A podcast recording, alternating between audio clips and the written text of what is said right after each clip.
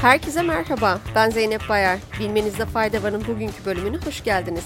İlk olarak teknoloji alanında bir haberle başlıyoruz. Google'un video platformu YouTube'da herkese açık kullanıcı adları dönemi başlıyor.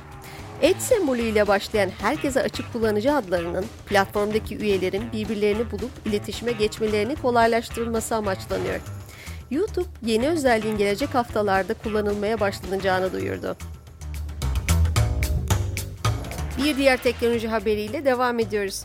Hindistan Rekabet Komisyonu, Google'ın kendi uygulamalarının yeni akıllı telefonlara yüklenmesini zorunlu hale getirerek pazardaki konumunu güçlendirdiği ve rekabete aykırı hareket ettiği gerekçesiyle şirketi 162 milyon dolar para cezası verdiğini açıkladı.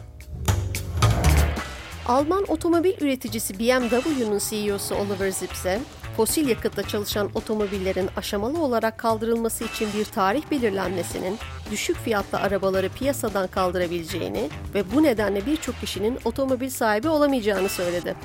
Otomobillerin alt segmentlerden çıkarılmasını istemediklerini açıklayan Zipse, alt segmenti kaldırarak sadece zenginlerin araba sahibi olmasının politik olarak çok tehlikeli olduğunu belirtti. Fransa'dan bir haberle devam ediyoruz. Enerji sıkıntısı yaşayan Fransa'da abonelere fazla elektrik tüketim uyarısı yapan EcoWatt platformundan sonra gaz içinde benzeri bir mekanizma kuruldu. Fazla gaz tüketilmesi durumunda abonelere kısa mesajlı uyarı gönderen sistemin enerjide tasarruf sağlaması hedefleniyor. Bugünlük bu kadar. Haftaya görüşmek üzere. Hoşçakalın.